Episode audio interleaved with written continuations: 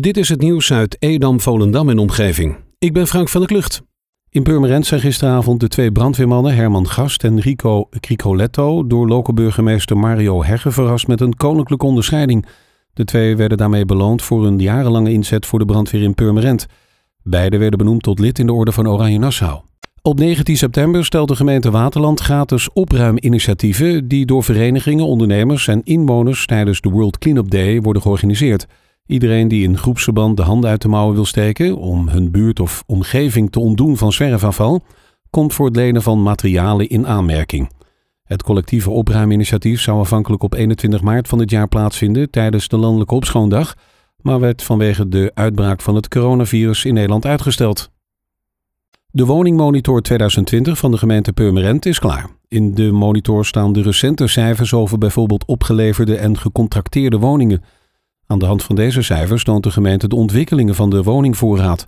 De conclusie is dat het beleid werkt. De gemeente is goed op weg, maar nog niet klaar met bouwen en het maken van toekomstplannen.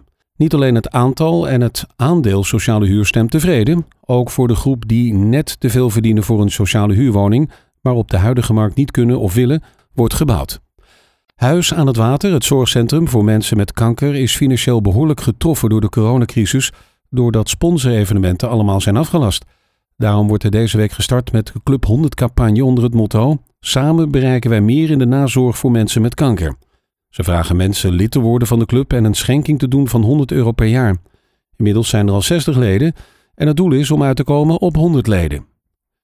Bijna alle 1,5 miljoen gebouwen in Noord-Holland kunnen worden aangesloten op duurzame warmte. Maar liefst 96% van de woningen en gebouwen kunnen aangesloten worden op de grootste warmtebron die Noord-Holland heeft, namelijk warmte uit oppervlaktewater.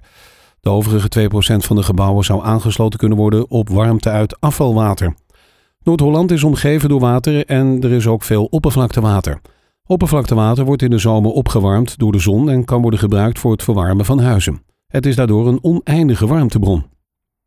Waterlandse en Friese kunstschilders exposeren in de Broekenkerk in Broek in Waterland.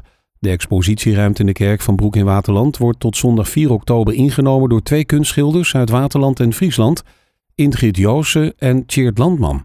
Beiden laten zich inspireren door natuur en landschap. Ingrid Joosten toont schilderijen uit haar serie Hollandse landschappen in de traditie van de Gouden Eeuw. Tjeerd Landman wordt nog dagelijks geïnspireerd door het Friese landschap van zijn jeugd. Vereniging Oud Monnikendam heeft een bijzondere schenking gekregen van de in Monnikendam geboren heer P. Mars. Het gaat om een aquarel van Cornelis Springer uit 1881 van de zijingang van de Grote Kerk in Monnikendam. De officiële overhandiging van het schilderij vond afgelopen zaterdag plaats in het Waterlandsmuseum De Speeltoren, waar het schilderij vanaf nu ook permanent te bezichtigen is. In verband met de coronamaatregelen was alleen de familie en de pers uitgenodigd. In de kerk van Broek in Waterland wordt op zaterdag 12 september een inzameling gehouden voor de voedselbank.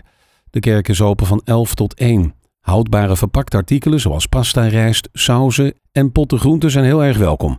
Maar ook koffie, thee, koek, douchespullen en tandpasta.